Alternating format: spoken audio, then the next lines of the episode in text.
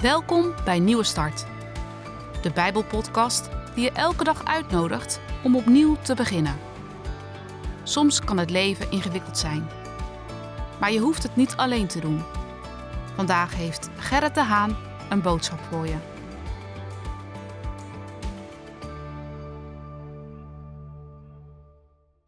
Ik begin vandaag met een doordenkertje. Een spreuk die ik ergens tegenkwam. Wie niet in wonderen gelooft, is geen realist. Nog een keer. Wie niet in wonderen gelooft, is geen realist. In de eerste regel van Psalm 9 gaat het over wonderen. Ik zal u loven, Heer, met heel mijn hart. Ik wil al uw wonderen verhalen. Kleine kinderen kunnen zich met open mond vergapen aan de wereld die ze aan het ontdekken zijn. Alles is nog nieuw, verrassend. Er valt nog een hele wereld te ontdekken. Een wereld van vormen, geuren, kleuren, geluiden. Kinderen kunnen zich met weinig vermaken, want alles is nog nieuw en verrassend. Een wonderlijke wereld. Heerlijk om dat te kunnen observeren op een bankje in het park. Misschien wel bij je eigen kinderen of kleinkinderen. Pas was ik zelf met mijn kleinkinderen in de Efteling. En een groot deel van mijn plezier in deze dag bestond uit het zien van de verwonderde blikken van mijn kleinkinderen. Misschien kun je jezelf ook nog wel iets van die verwondering herinneren en terughalen in je gedachten. Mijn eigen vader had een hobby om rupsen in een gecontroleerde omgeving in een soort terrarium te laten verpoppen tot vlinders. In de haven van Rotterdam haalde hij dan soms tussen het fruit vandaan bijzondere soorten rupsen.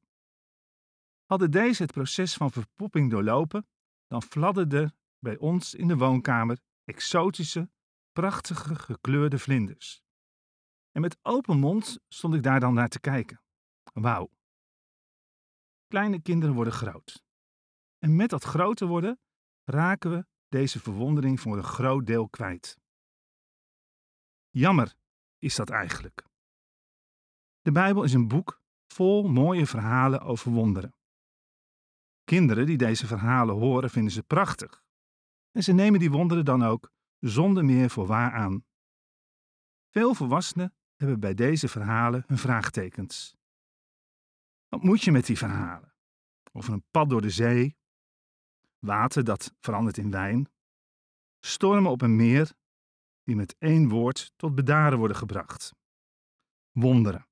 Wie gelooft daar nou nog in? Word wakker. Eén en één is twee. En niet op de een of andere manier plotseling drie. De moderne mens gelooft in wat hij kan zien, bewijzen en na kan rekenen.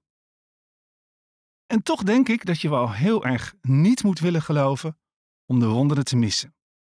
Ze niet te willen of te kunnen zien. Wie niet in wonderen gelooft, is geen realist. Ik vertelde over de vlinders van mijn vader. Toen we deze zomer aan het fietsen waren, zag ik ze. Prachtige vlinders. En ik dacht terug aan mijn kindertijd, over de verwondering. En die verwondering die was er weer, deze zomer. Wat zijn ze mooi, vlinders. En ik voelde weer die verwondering als ik denk aan het proces van transformatie. Van een onogelijk, niet moeders mooiste rups tot een prachtige vlinder.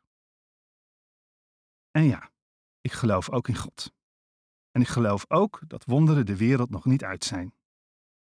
Ook niet van jou als je het aandurft. Los te komen van je ingenomen standpunt ten opzichte van God. Dat wonderen niet bestaan en dus God ook niet. Zou je het weer willen voelen, de verwondering? Je dichtgeknepen handen of zijn het misschien wel gebalde vuisten openen om te kunnen ontvangen? Voorzichtig. Misschien wel met geloof als een mosterdzaadje. En daar mag het mee beginnen. Voorzichtig aftastend.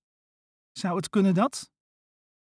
En het zou zomaar kunnen dat je tot je eigen verwondering opnieuw met stomheid wordt geslagen. Dat je opnieuw met open mond zult staan, verwonderd over de wonderen die je zult meemaken.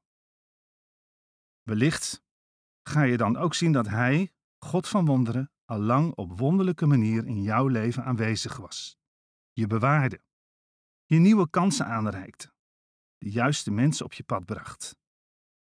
Je kunt je ervan afsluiten. Je kunt het blijven ontkennen. Blijven zeggen: wonderen bestaan niet. Maar ik herhaal: wie niet in wonderen gelooft, is geen realist.